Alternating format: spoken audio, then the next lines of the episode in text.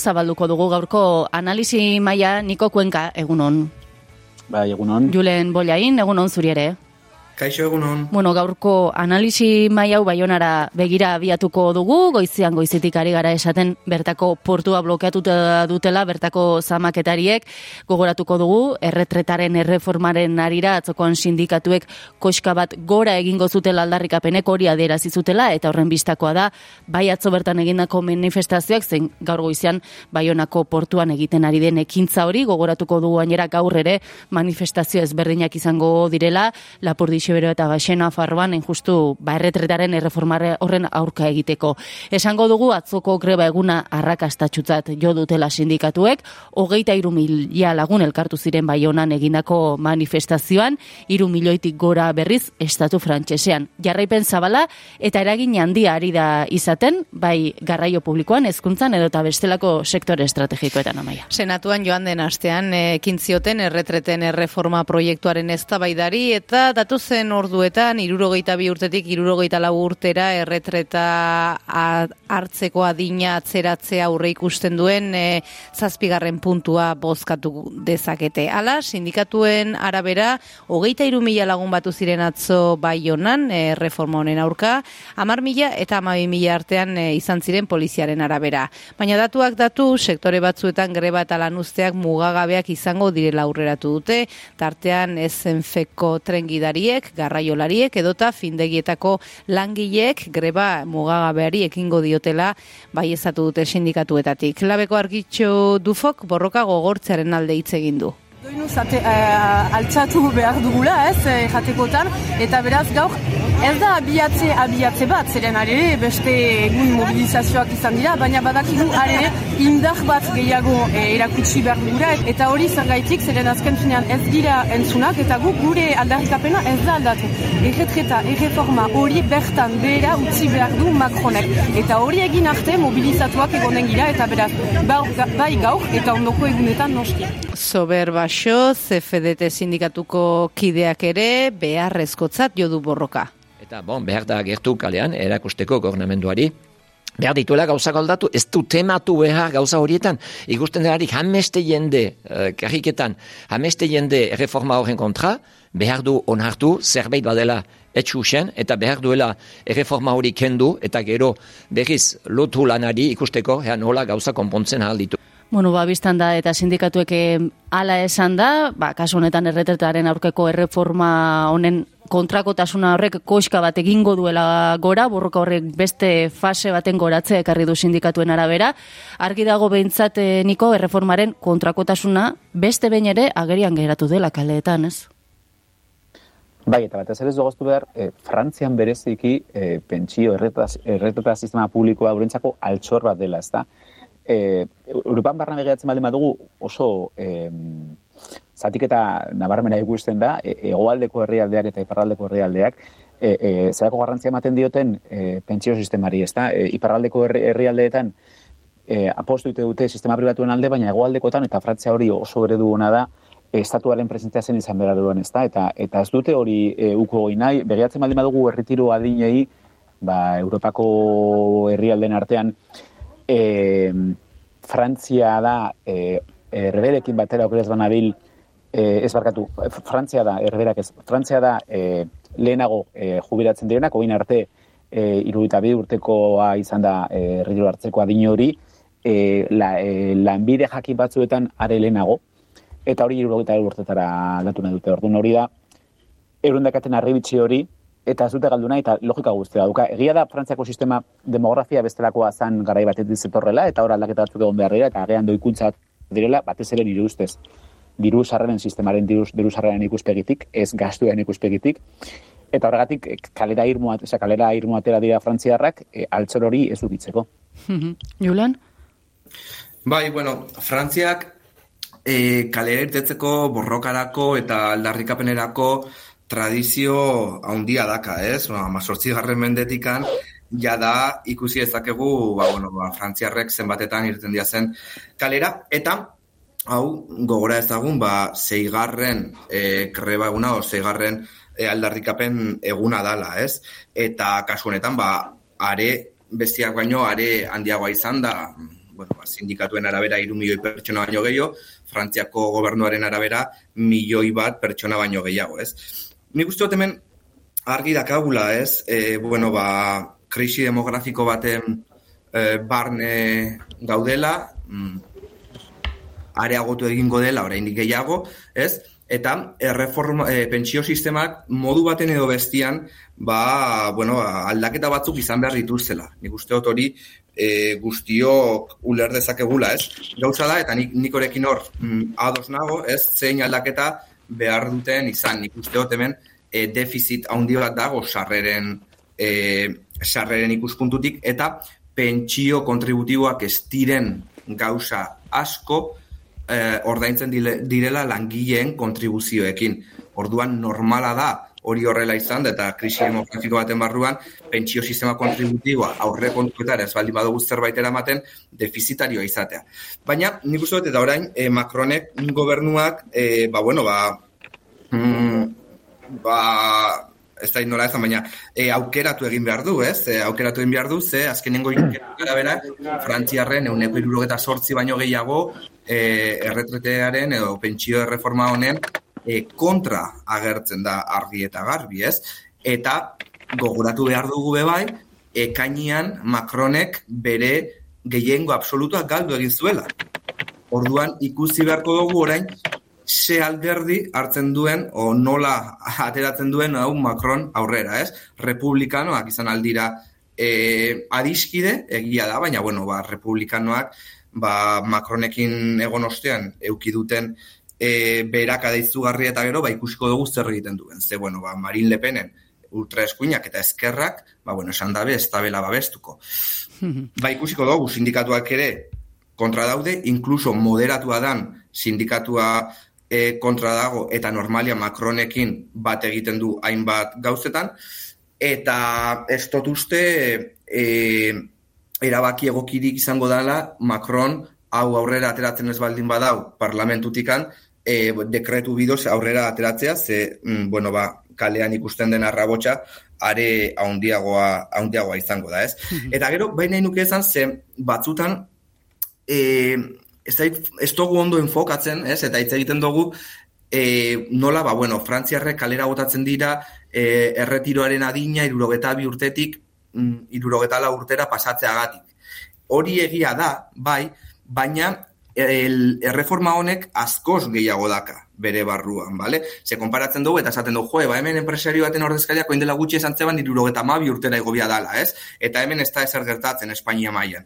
Bueno, e, Frantzian bebai, eukibia dugu kontutan, lau urteetan, erreforma honekin, e, jubilatzeko eta pentsio maksimoa izateko berrogeta iru urte behar dituzula izan kotizatuta, ez? Espainian kasu honetan, hogeta masazpi urte terdi, terdi diaz, ez? Beraz horbe bai, baia sei urteko aldea dago kotizazio aldetik pentsio maksimoa lortzeko, ez? Beraz, e, hau bere baitan eta bere osotasunean begiratu behar da, eta ez dut uste mm, aldagai bakar batzu begiratzen e, komparatiboa izango denik e, o aldagera bat egin aldenik. Eta gero, esateko, ba, frantziarrek momentu honetan, euren barne produktu gordinaren euneko amabost baino gehiago dedikatzen diotela pentsioei. Euneko amabost e, izango da Espainiar estatuak 2000 eta hogeita marrean dedikatu behar diola diona pentsioei, pentsio publikoak ordaintzeko, ez? Beraz, bueno, ba, aldagai asko da usmai gainean, eta ezin dugu aldagai bat kar batekin e, honi ba, erantzun egoki bat emon.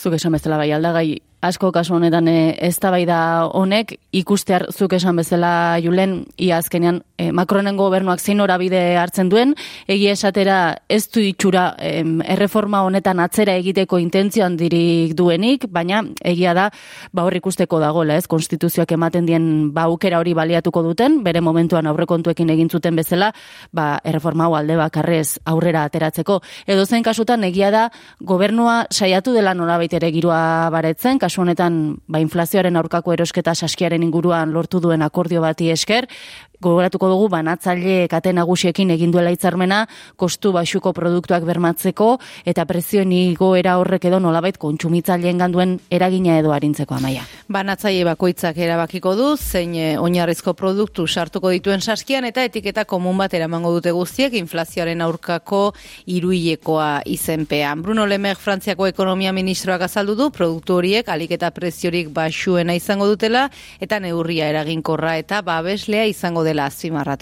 Le gouvernement français, sous l'autorité du président de la République, a pris des mesures fortes, efficaces, qui nous ont permis depuis plusieurs mois de protéger nos compatriotes et d'avoir le niveau d'inflation le plus faible de tous les pays européens. Gainera nabarmendu du honekin inflazioaren kostua partekatu egingo dela. Ministroak aurreratu du ekainean e, behin neurri hori bertan bera geratzen denean banaketa taldekin negoziatzen jarraituko duela luzatu ala ez erabakitzeko. Bueno, Julen guk berez ego Euskal Herrian ezagun azaigu antzeko neurri bat, baina e, bere momentuan Espainiako gobernuak egin zuen bezala, oinarrizko produktuei beza jaitsi ordez, kasunetan estatu frantsesan egin dutena da oinarrizko produktuen prezio hori jaitsi. Zuretat zein balio e, du erabaki honek, estatu frantsesak hartutako norabide honek? Julen, bai, ez zaitu entzuten? Barka jazue, Bai. eh, mikroa itz- itzalitan ekala. Eh, eh, erabaki interesgarria da, eh, baina nik uste kasu honetan, eh, Frantziako estatuak edo Frantziako gobernuak mm, bere baitan erabaki guztia hartu beharrean margen haundia, gehiegi, agian, lagatzen diela supermerkatuei, ez? Baina egia da, saskiak eta su- supermerkatuak berreun eh, produktutik bosteun produktura eh, o produktuen prezioa topatzeko eh, bueno, ba, gai dira edo pres daude, ez? Eta hau, nik uste dut interesgarria dela, ze hau, hemen behin baino gehiagotan hitz egin dugu, ez? Baina eh, nik pertsonalki ez negoan ados eh, Espainiako gobernuak hartutako neurria beza jeistearena, ikusi dugu denborarekin ez dela mm, neurri egokia izan e, ba, erosketa saskiaren prezioa geisteko, ez azken finean euneko lautik euneko zerora geiste maldin bozu beza, hor margin oso txikia dago, ez? E, bez guztia trasladatuko balitz, prezioetara kasu honetan, esango genuke eun euroko saski batetik, e, o saski bat, laro eta masei eurotan geratzen jatzula, ez? Orduan hau kontsumitzaiek ez dute asko, asko nabaritzen. Eta gero, ekonomian badakigu, eta naiz eta zientzia zehatz bat izanez, hau badakigu, ba, besa geisten danean, e, alde batetik prezioa jetxi daitekela, baina bestalde margin unitarioa, e, moskin margin unitarioa, igo egiten dara, ez? Eta hau da, nik uste dut, Espainia mailan ikusi ogula. E, Frantziak hau entzuen 2008an, e, Sarkozy gobernuan zelarik, eta Espainia mailan Jolanda Diaz saiatu zan egiten e, Carrefourrekin e, oin dela hilabete batzu. Gauza da, hemen Carrefour ez zuela onartu, e, bueno, o, ez zeuan prest, olako zerbait o, aurrera ateratzeko, eta nik uste dut hemen gertatzen dela da gobernuak ba, bueno, ba, ekonomian esku hartu behar duela, e, intervenitu behar duela, eta bueno, ba, osasuntxua den mm, erosketa saski bat bermatu behar duela presio e, ba, ez dakit, presio mm, normal batean, ez? Erosi alden, eh, familia normal batek erosi alduen presio batean. E, hau egiten ez baldin bada, ba, jarraituko dugu, ba, ez zoizko egoera honetan, ba, familia batzukin asko sufritzen ari direla, oin dela gutxi irakurtzen dituan datuak, eta familien euneko geta iru e, gerota, ole, pandemia baino a, lehenago mm, baino elikage gutxiago erosten dituia da. Eta familien euneko sei azken urteotan e, gozea pasadu edo pasatzen ari da. Beraz, bueno, mm, nik uste dut neurri egokia dela, egia da agian neurri hau hartu dela nolabait ba, kalean dagoen arrabotsa hori baretzeko. E, niko nola ikusten duzu zuk, zein balio du, e, zuretzat, estatu frantseseko erabaki edo akordio horrek? Ia, niko oraingoan zuzara, ez dugun entzuten? Bueno, badugu arazoren bat, eh, niko entzuteko? Bai, a ber, Orain bai. orain bai. Ai, barkatu, nik ere, barkatu, nik ere mikrofonarekin arazoak izan ditut. Ez, jurunekin bat, e, zentzu hortan justu atala dutela neurria. e, pentsioen aferak kurigorian dagoenean. Dena dela, ez, ez da kontu erraza, eh? Frantziak hartu duen neurria da, mirui baterako neurri bat, e, ez dago, oza, akordio bada, ez da erraza Frantziako gobernuak esan dago saiatuko direla ikertzen ia benetan betetze duten ala ez, baina hori hori e, aztertzea ez da bat ere erraza. E, Espainia ez dagokenean, ez dugu aztu behar gaina da, badagoela janari elikagaien katearen e, lege hori, bai, horrekarek gehiago komplikatzen dituena, azken lege horrek esan duena da, eta ondo pentsatu dago zentzu hortan legea, eh? lege horrek ez bebekatzen dau salmente, osea, galerekin saltzea, e, batez ere ekoizleak babeste aldera. Bai, orduan karo, kate hortan, ekoizleak ezin badute, logikoa denez, e, galerekin saldu, Karo, nondik zelan kontrolatuko dituzu prezioak, bai, hor e, bitartekariak eta eta azkenengo saldoki handiak egon hor hor egon daiteke koska, baina egia da, e, saldoki handi hauetan em, margen oso txikia daukatela produktu gehienek eta eta batez ere mozkina direla e, kopuru edagokionez. E, saldoki handiekin itzen dago ja, komentatu digute zelan e, somatzen den bezeroak ari direla batez ere marka zuriko produktuak e, hartzen asko igo dela justo e, iraungitzear dauden produktu horien konsumoa normalean legeak ala hartzen duelako, ba, uneko gita marreko, uneko giko deskontua duetelako, eta bezeroak ero eta gehiago jotze dutela alako produktuetara, baina, baina kontua ez da erraza. Ni, e, junek esan du beha bezaren e, jeitzira horrekin ez, dago, ez datorrela bat, zalantzagarria da, e, hasi como ez nuen batere argi ikusten e, erregaien prezioari, eman zioten bonifikazioari, bat ez ere rentaltuko behi, e, mesede intzielako, kasu honetan bai uste dut izan daitekela, e, behin behineko neurre baldin bada ere, lasai garrea familientzako, ez dut ulertzen segatik funtseskoa dien mikroteina arraina eta aragia ez duten hortan zartu, zazken batean euneko amarretik euneko bostera e, pasta eta oliba, olio, bueno, olio oroar e, sartu dute, baina ez e, arraina eta eta okela, eta hori funtseskoa dira, baina ez da kontu erraza, eta gero, e, karo, alako neurriak hartu itzazketek ate handiek. Saltokitzik batek, herri bateko saltokitzik batek, agian ez dauka e, alako neurriak hartzeko e, gaitasunik, gaitasun e, ekonomiko bai. Ordu karo, neurri hau dira, ba, ba Carrefour, Eroski eta Mercadona bezalako ego euskarriaren kasuan, eh? E, e, saltokintzako izan daitezke baliagarria, baina karo, horrek kompetentzian egiten die, e, saltokitxikei ez zindutelako bermatuelako presio jitzira. Orduan, e, ekuazio ez da bat erraza. Zenet, alde batetik e, ezin da saldu galerekin, horri elikagaien katearen e, legeak e, debekatzen duelako, daukagu, e, geroz eta e, monopolio handiagoa dauzkaten edo oligopolio handiagoa dauzkaten e, kateak, eta euskarrian gero eta gehiago ikusten da. Horren, e, oreka hori e, saltoki txikia babestu, e, koizlea babestu, eta gero, aurreko gunean planaz ministroak izan zuen e, prezioen gorakaren e, gaiurra iristen eginela, hori izan daiteke gerrarekin dutako e, faktore dago jonez. Gero ez dugu astu behar, larrialdi klimatikoa hor dagoela, horrek ustak baldintzen dituela, ikusi dugu bastakito, oliba olioaren e, merkatuan produkzioa erdira jaitsi dela lehorteen gatik, hor egongo dira beste faktore batzuk, prezioen gorakadara egingo dutenak. E, ez dakit, egizte, gripea horrokagu, eta ez dakit zenbat egazti sakrifikatu bai zaituzte, eta so batzen ari gara, e, e, ez dakit, egazti e, okeraren prezioaren gorakadan orduan, badira faktore asko, e, eragite dutenak, orduan ez da erraza. Lege ez esartzea, mm, bai zaiteke, baina hor nora ateratzen da galtzaile. Eta nik eskatzen hau da, azkenengo ekoizle txiki hori galtzai ateratzea. Bueno, ari mutur asko dituela hauziak eh, azaltzen duzuen eh, moduan. Eh, begiratu nahiko genioke baitare gaurko egunari, nola ez, martxoaren sortzia dugu emakumen eh, nazioarteko eguna, badakigu dozenaka mobilizazio egingo direla Euskal Herrian zehar, emakumen eskubideak aldarrikatzeko, eta bizi dituzten diskriminazio egoerak salatzeko, eta horietan bat nabarmena izango dena, amaia, emakume gizonekiko bizi duten pobretzegoera. Pentsioetatik hasita emakumeen pentsioak gizonezkoak baino gizonezkoenak baino murritzagoak dira erru zala salatu dute, behin baina gehiagotan pentsio dunen eh, mugimenduko kide. Kanamezo, honeka emakume pentsio dunen eh, mugimenduko kidea da. Batzuk izan dugu aukeria ba, lan produktiboetan behibiltzeko eta lan dignoetan esate batrako, ba, ez dakit, bueno, askok, ez da? E, baina beste askota, askota, asko ondino, e, gaur egun pensionista direnak e, oso egora kaskarrian e, bizi dira. Ezan nahi dut.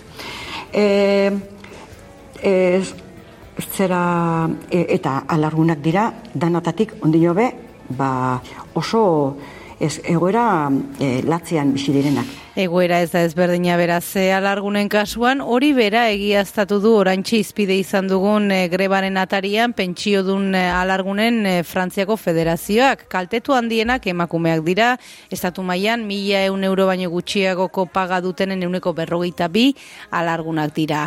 Eta zer esanik ez soldata arrakalazari garenean. Soldata arrakalaren nazioarteko egunaren atarian, lab sindikatuak kontatu zuen, oroar balio gutxiago ematen zaiela emakumek egiten dituzten lanei. E, emakumeok egiten ditugun lanak debaluatuta daudela, e, balio gutxiago ematen zaiela, lan berdina egiteagatik, ez? E, bueno, emakume emakumeok egiten ditugun lanei.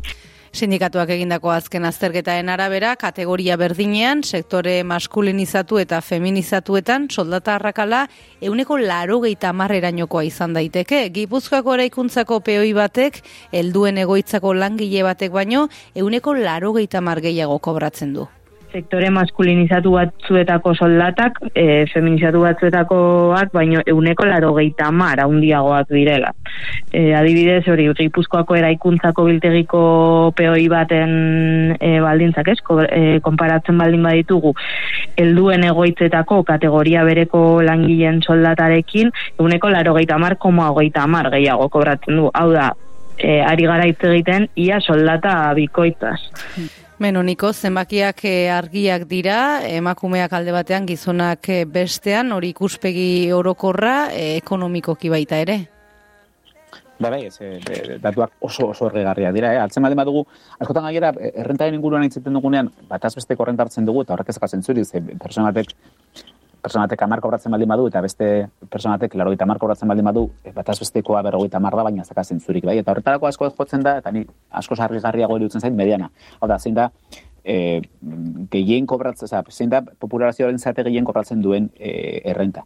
Eta kasu hontan, e, e, e, Euskal Autonomia Erkidegoko datuei begiratuta, ez dako, 2008ko datuei begiratuta, mediana hortan, e, makumezkoen errenta, e, oita irumila eta bosten da, eta gizonezkoena, ia lau mila euro gehiago. Vale. E, Nafarroan beste horren beste, oita bat, eta oita esazpen Nafarroan are handiagoa. Bai, hor, hor da. Are gehiago nabarrentzen da gutxien kobratzen duten artean, hau da, azken e, gutxien kobratzen duten uneko goita bost hortan ere, e, aldea are handiagoa da, 6 mila, euroko aldea da erkidegoan, eta hori porzentuak handiagoa da, beraz, pobretze hortan emakumeek pisu gehiago daukaten, Eta honen atzean, zer dago nire ustez? E, historikoki, tradizioz, egun den sistema patriarkal horrek ez da markatzen duela, ez dakit, zaintza lanak ez da, zaintza lanak ez dira inoiz du, Oin hasi dira e, agertzen e, sententzia batzuk eta oso oso positiboak edutzen zaizkidanak ez da, gutxi jakin dugu e, Galiziako epe baten, nun e, epaiak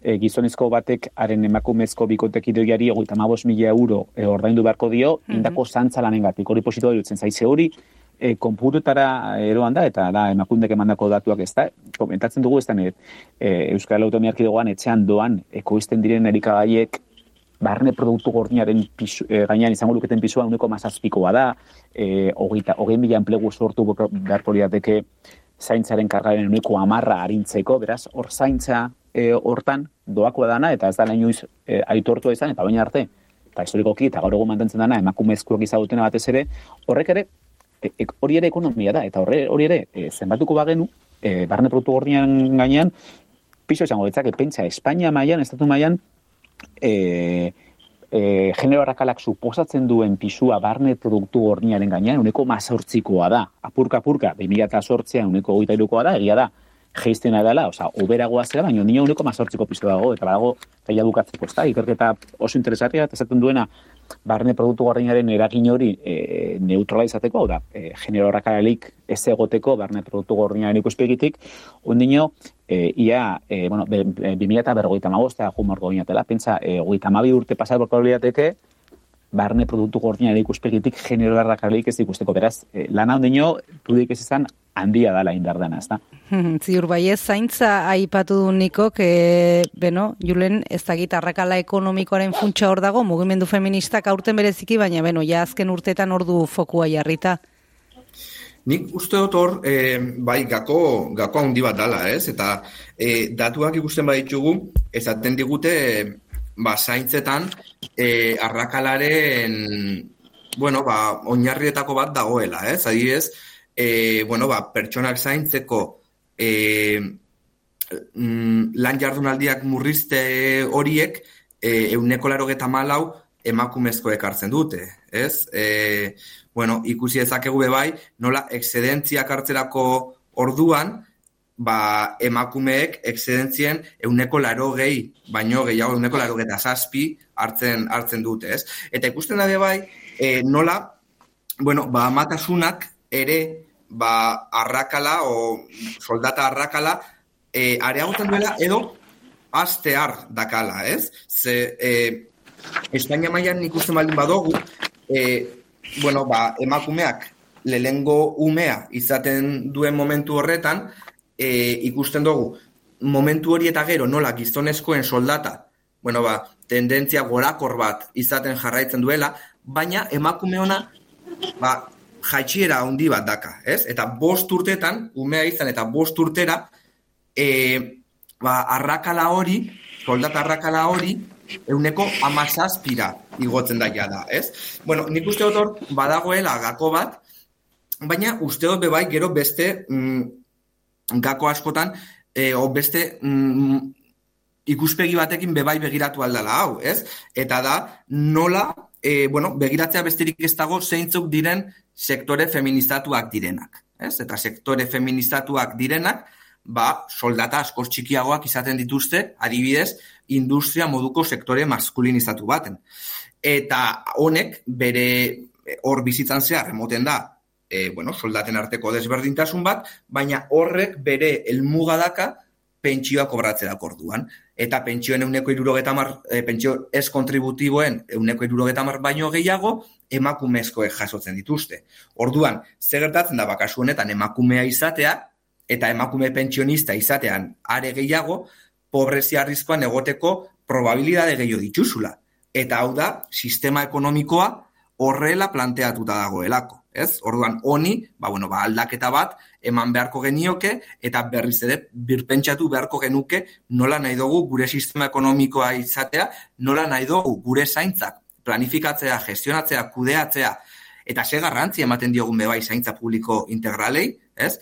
Eta gero, usteot beste gauza bat dagoela, zaintzekin zer ikusiak baina ez bakarrik, eta da, e, bueno, diferen, desberdintzea, enplegua edo lan erremuneratua, eta lana edo enplegua estan lan ez erremuneratua. Zergatik, ze e, astean emakumezkoek hogeta bost ordu dedikatzen diote bataz beste lan ez erremuneratu honi gizoneskoek bakarrik amalau. Ia erdia, ez? Orduan segertatzen da, bazken ba, finean, emakumezkoek hartzen duten, edo sozietate honek, gizarte honek, emakumezkoen zorbaldan gainean jarri izan ditu tradizionalki lan ez erremuneratu horiek, zaintzak barne, hau oraindik horrela mantentzen da, eta honek daka bere isla, logikamente, bebai, lan merkatuan, ez? Eta gero, emakumezkoek, naiz eta diru gutxiago kobratu, lan jardunaldi haundiagoak izaten dituzte, zedak eure lan merkatuan egin beharreko lana, eta gero beste e, esparru batzutan egin beharreko lanak. Orduan, bueno, ba, injustizia bikoitza, irukoitza ez baldin bada, e, euren sorbalden gainean dake. Beno, arazoa nahiko identifikatuta dagoela esan genezake, e, konponbidea uste duzue ari direla urratsak ematen beste beste instituzio publikoetatik egoera guzti hau iraultzeko, Niko? Mikrofonoa, Niko. Parkatu. Parkatu mikrofonak iliatzen azeti. Em, justo onartu berri dute paritatearen e, lege hori, do, onartze bidean dago, eh, administrazio kontzigioetan eh, daukaten pre, emakumezko daukaten presentzia bermatzeko, ze hor ere, eta beste, beste muturreko bat, ezta? Ikusten baldin baditugu, e, presan nagusien eh, administrazio kontzigioetan dagoen emakumen parte hartzea oso txikia da, Euskal Herriko enpresei begira eh, apenas dago.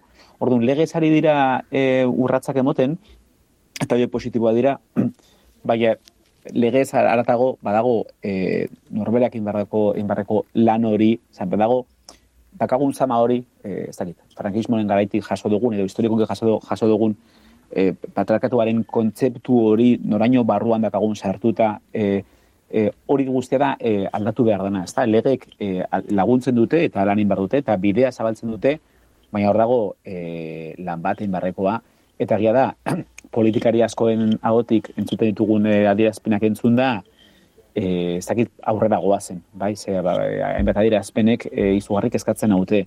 Baina bai, legeek bidaltzen zabaltzen dute, baina legeek dena ezin dute egin, bueno, e, beste bedek ez dago. Osa, jendearen kontzintzitan eragotea datuak hor jartzea, esan egin, bukontza ipatu ditugun datuak oso agerikoak dira, eta mhm. oso ondo laburbiltzen dute, zein den arazoaren e, neurri edo dimensio ekonomikoa, badira beste dimensio batzuk, eta legeen bideti baino zen egin, baina legek bidea zabaldu, eta gero gizartak ere e, bultza behar du. Julen, irten bideak e, ikusten dituzu, nondik e, iritsi behar dira? Bai, ni, mm, nahiko, nahiko ados niko kezandakoarekin, ez? Eta justo gaur entzuten eban e, e, inkesta bat egin dana, eta esaten zeban, eta niri niko kezandakoa, ez? Politika aintzatik nola, hainbat mesu edo hainbat errelato e, gizartean sartzen, bueno, saiatzen diaz batzutan e, zambian neban, baina batzutan lortzen dutela, ez? E, ikusten da, eta inkesta honetan esaten zeban, gazteen euneko hogei, feminismoa, e, bueno, ba, mm, zortutako zerbait dala. Hau da, ez dagoela gure gizartean feminismoaren beharrik eta zorkuntza ideologiko bat besterik ez dala. E, gazten uneko hogei esaten du ez, eta nerik eskatzen nau, e, bueno, ba, belaunaldi berriek, edo belaunaldi berrien parte bat hobeto esateko, ez? Horrelako e, bueno, ba, pentsaerak izatea, ez? E, uste dugu askotan, ba, pausu handiak ematen ari garala e, ba, berdintasunaren e, ba, esparru honetan, eta nik uste dut pausuak ematen ari direla, oso handiak batzuk, egia da, e, baina egia da askotan bebai kanbio edo aldaketa normatiboen e, niko zen moduan esparrutikan eta batzutan ba, kostatzen jaku oraindik gizartea bere baitan e, bueno, ba, berdintasunaren alde, alde egitea. Bueno, nik uste dut gaur moduko egunak oso garrantzitsuak dira e, beti ere ba, aldarrikapena, borroka eta oraindik asko lortzeko dagoela ba, mai gainean jartzeko hori izango da ziur gaurko mm, egunean, manifestazioetan, egingo dien elkarretaratzetan ere bai, bazabalduko diren e, ideietako batzuk. Bueno, iritsi gara dagoeneko gaurko analisi maiaren azken txampara, eta aprobetsatu nahiko genituzke azken minutuak, normalean ez dugulako horretarako aukera gehiagirik ere izaten, baina hausnartzeko apur bat, e, ba, enpresa handiek zer nolako oinatze eduki berduten e, gure egunerokoan, eta batez ere zein da neurekiko eku berden jarrera fiskala edo horretarako bide eman ferrovial enpresak hartu duen erabakia, e, egoitza fiskala erbeetara, erbeetara leku aldatuko dutela iragarri dute, horrek Monkloaren aserrea eragindu, eta esango du, arrakala berri bat ere iriki dula gobernuki den e, artean, Podemosek eta EH Bilduk euren aldetik proposamenak aurkeztu dituzte kongresuan, egoi belategi. Hauxe Espainiar gobernu eta herrialdeko elite ekonomikoen arteko azken talka eragin zuen mezua. En Ferrovial queremos seguir creciendo y estamos muy ilusionados por esta nueva etapa que esperemos entusiasme también a muchos inversores. Proponemos una organización societaria acorde con el perfil de la empresa en nuestros activos en Norteamérica.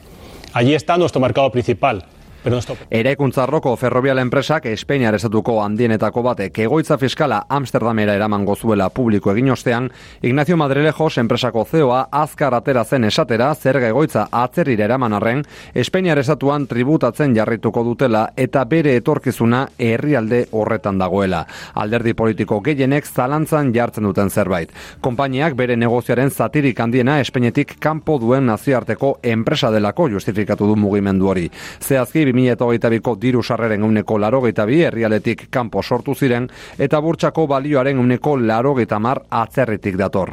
Ferrobiareko jabeek Espainiako estatuko bigarren fortunarik handiena dute inditexeko amantzio ortegaren ondoren zazpi mila milioi euringurukoa. Hortaz, estrategikotzat hartzen zen enpresa eta serri eragindu politikari eskolen artean egun batetik bestera eta gobernuarekin afera aztertu gabe zer gegoitza atzerrira eramatea. Creo que la patria no es solamente hacer patrimonio, La patria es ser solidario, arrimar el hombro, y ayudar sobre todo cuando tu país lo necesita y sobre todo teniendo en cuenta que, en fin, que estamos hablando de la tercera o cuarta fortuna de España y que evidentemente en buena medida esa fortuna se ha hecho gracias a, la, a nuestro país, a España. Aberriaren alde egitea elkartasunez jokatzea ere badela esan du Espainiar gobernuko presidente Pedro Sánchezek gaineratu enpresa horren jabeen fortuna herritarren ekarpen eta lanari esker egin dela ere. Hildo beretik jo dute Nadia Calviño ekonomia ministro eta bigarren presidente ordeak zein trantzizio laugarren presidente orde Teresa Riberak. Es el rechazo y la falta de comprensión por una decisión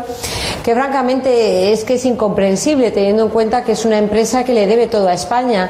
Es una empresa que ha nacido, ha crecido gracias a la obra pública financiada por todos los contribuyentes españoles.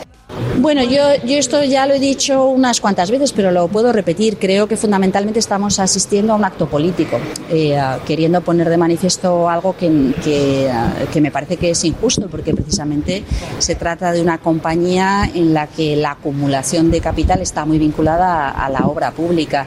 Tonuare gehiago altxatzen entzun ditugu Unidas Podemoseko ordezkariak. Fíjense, hablando de estas cosas, ¿no? Eh, Ferrovial Servicios se acogió a varios ERTES en nuestro país y los hemos salvado con dinero público. Eh, yo eh, estoy en total desacuerdo con esta decisión. Me parece que es eh, nefasta en una empresa, además, que mm, nace al albur de los contratos con la administración pública. Yolanda Díaz, irugarren presidente orde eta enplegu ministroak gogora ekarri du zer irratikatean, ferrobialek hainbat aldi baterako lan erregulazio espedientetaz baliatu zela eta ondorioz praktikan herritarrek salbatu zutela beraien zerga ekarpenen bidez. Gai sozialen ministro Jone Belarraren arabera berriz, ferrobialek herritarrei bizkarra ematen die egoera ekonomiko honean dagoenean. Yo creo que no hay nada más antipatriota que aprovecharte de las ayudas públicas que se pagan con los impuestos de todos los ciudadanos y las ciudadanas cuando las cosas te van mal, como es este caso. Y cuando... Ferrobialen defentsan atera direnen artean noski, COE patronaleko presidente Antonio Garamendi getxoztarra Holanda paradisu fiskala ez dela nabarmenduz. Eta patronalarekin lerratu dena ere Alberto Núñez Feijo pepeko burua. El 90% de su negocio está fuera de España, eh, va dentro de la Unión Europea a un país europeo, quiero que se aclare, es decir, eh, Holanda, que yo sepa, es un país europeo, no es un paraíso fiscal. Por tanto, el haber sido calificados de saqueadores, especuladores y capitalistas despiadados, que sepan ustedes que nosotros no estamos conformes y pedimos disculpas. Ostirala arratsaldean Unidas Podemosek lege proposamen bat erregistratu zuen ekoizpena edo egoitza fiskala Espainetik kanpo eramaten duten enpresak herrialdea usteko erabakiaren aurreko hamar urteetan lortutako laguntza eta diru laguntza publikoak itzultzera behartzeko berandutze interesak barne. Bestalde, H. Bilduk kongresuan duen taldeak legez besteko proposamen bat erregistratu du asteren honetan enpresen deslokalizazioa galarazteko eta ferrobialen leku aldatzeren ostean emandako laguntza publikoak berreskuratzeko eskatuz. Bueno, kronika zabal honetan e, jaso ditugu, hauziak eragin dituen e, iritzi ezberdinak. E, Julen, zer iruditzen zaizu batetik zuri ferrobialerek hartutako bidea, zein beste aldetik, bueno, alderdi ezberdinak egin dituzten proposamenak? Bueno, eh, nik uste dut ferrobial bere eskubide, ferrobialek bere eskubide osoan dagoela, eh, bueno, ba, beste Espainiatikan alde egiteko eta eta Holandara juteko, ez? Eta bere sede soziala bertara bertara mugitzeko. Baina egia da eta nahiko ados nago, e, bueno, ba, kasu honetan Jolanda Diazek esandakoarekin, ez? E, bueno, ba, ferrobialek bere kasuan e, hainbat lan erregulazioko espediente izan zituen pandemian zehar, eta neurri batean behintzat, e, beste batzuk esan daben moduan, ba, bere igoera eta bere moskinetako asko administrazioarekin egindako kontratuei esker datorkio, ez? E, kasu honetan, azkenengo bost urteotan bakarrik, ferrobialek mila irureunda irurogeta mabi euro baino gehiago fakturatu ditu administrazio publikoarekin kontratuak izateagatik, ez? Eta gainera, ez du sozietaten gaineko zergarik ordaindu 2000 eta hogei garren urtetikan, ez? Baina, mm, bueno, mm, bere eskubidozoa daka, esan dudan moduan, ba, kasu honetan, Holandara jut, ez? E, gauza nere ustez izan beharko litzateke galdetzea, bueno, mm, zergatik du Holandara, eh? Edo zer eskaintzen du Holanda kasu honetan, ez? Bueno, Holanda, eh, enpresek gehien erabiltzen duten formula da Europan zergak saiez. E, kalkuluen arabera, eta kalkulu hau e, Arjan Lejur e, izeneko herberetako ekonomia ministerioko politika ekonomikoaren analizirako bulegoko langile bat eta Tilburreko Unibertsitateko Fiskalitate eta Finantza Publikoetako irakaslea dena, eskeni zuen 2008an, eta Holandak edo herberetako sistemako beto esan da, bi mila milioi euroko kostua du urtean e, IES egindako diru sarrera fiskaletan. Hau da, zerga IES globalaren euneko amabost. Ez, orduan, nik ze uste kasu honetan, ba, oso zaila dala e, Europar batasun eraikuntza komunitario bat egitea, harmonizazio fiskalik e, egonezean eta nik uste dut, ba, bueno, ba, hemen, mm, bueno, gure subiranotasun monetarioa adibidez e, eman baldin badiogu Europari, e, ez dut esaten subiranotasun fiskala emon behar denik, baina bai Europar mailan harmonizazio fiskal bat behar dugula, e, bueno, ba, Europako herrialdeen artean mm, leia lehiakortasun fiskal hori nolabait esateko neutralizatzeko, edo beste modu baten esan da, dumping fiskalak egon ez daitezen. Niko zurekin bukatuko dugu gaur. Bai, berez, eh, gaia gokatzearen, eh? eh? gaur gaurkoz ferrobialen jabea, ferrobial erberetako enpresa da, da, FISE da, eh, ferrobial internacional, erberetan dagoena, uneko laro gita da. Beraz, gaur gaurkoz ja dagoeneko eh, ferrobian jabea Holandarra zen. Induten izan da eh, fusio bat, hau da, eh, Holandako enpresak absorbitu dau Espainiako ferrobial, vale. E, beraz, gaur gaur gaurkoz ba zegoen ja bazukan hanka bat. E, e, eman duten argudioa da, e, estatuatutako e, burtsetan e, kotizatzeko urratza hauen behar zutera. Beharrezkoa zala, e, erberetan egotea, gero hortik e, estatuatutako burtsetara salto egiteko, ez da? Nik, hoi da gauz, ikertzen egona segun hauetan, ez dut oso ondo ulertu Espainiako CNMV, hau da, e, baloren merkatuaren batzorde nazionalek, esan dau, hori ez dela horrela, badirela Espainiako enbat enpresa dagoeneko erberatik pasatu barik estatuatuetako burtsetan kotizatze dutenak, eta jo, CNMV hori zaten baldin badu izango da, ez dut ulertzen ez da. E, beraz, ezakit, eta gero, e, e, aurrera egin ala, e, ferribaliko kideak agertu dira, e, azalpen gehiago emoten. Orduan, azalpen asko emate dituzunean, aitzaki bezala, ez dut uste aitzakia, oza, arrazoia hori denik. Aitzaki asko ematen ari dira, jurenek esan duen bezala, eskubide guzti daukaten nahi duten egiteko, dagoeneko baziren, berton, bai, horren beste argibide emotea, emoteana ez dut oso Eta gero jurenek esan duen bezala, e, e, erberak ez dira, ez da paradisu fiskal bat berez, Europako herrialde bat dagoelako, baina baditu hainbat trikimaio, hainbat tresna, bere gaian ezagutzen, ezagunean zan, e, zangutzen landarra, e, bertan tributatzea, e, ez dago aldean dirik, baina erbelek ematen duten eskaintza oso ona da filiaetako e, mozkin horiekin jokatzeko eta behin Holandan tributatu, ze Holandako tasa nominala, Espainiakoa oso antzekoa da, baina gero, e, horti bai, e, paradisu fiskaletara salto egiteko asko zarrazagoa da Holandan. Beraz, ez da paradisu fiskala Europa barruan dagoelako, baina aukera gehiago mate ditu, edo oso oso zalantzagarri den aukera gehiago mate ditu, eta bueno, datua jartzea harren, esan edo, Ikea ipatzen malde badot, denoi datorkigu burua, e, burura, Ikea zuterra dela ez, Ikeak egotzen nagusia erbetan dauka, Netflixek ere erbetan dauka Airbus, berez Frantzia eta Espainiako enpresa sana erbetan dauka, beraz, horren beste multinazional erberetara baldin badoaz, zozek eta izango da. Ez da, ez paraizu bizkala, baina aukera asko emate ditu zerga ilusioa egiteko, beraz, argi dago diru kontua dela, nire ustez. ba, goizeko amarretako kanpaiek eh, jo dute, hemen utzi behar dugu, niko kuenka julen boiain eskerrik asko bio gurekin egoteagatik. Eskerrik asko, jo.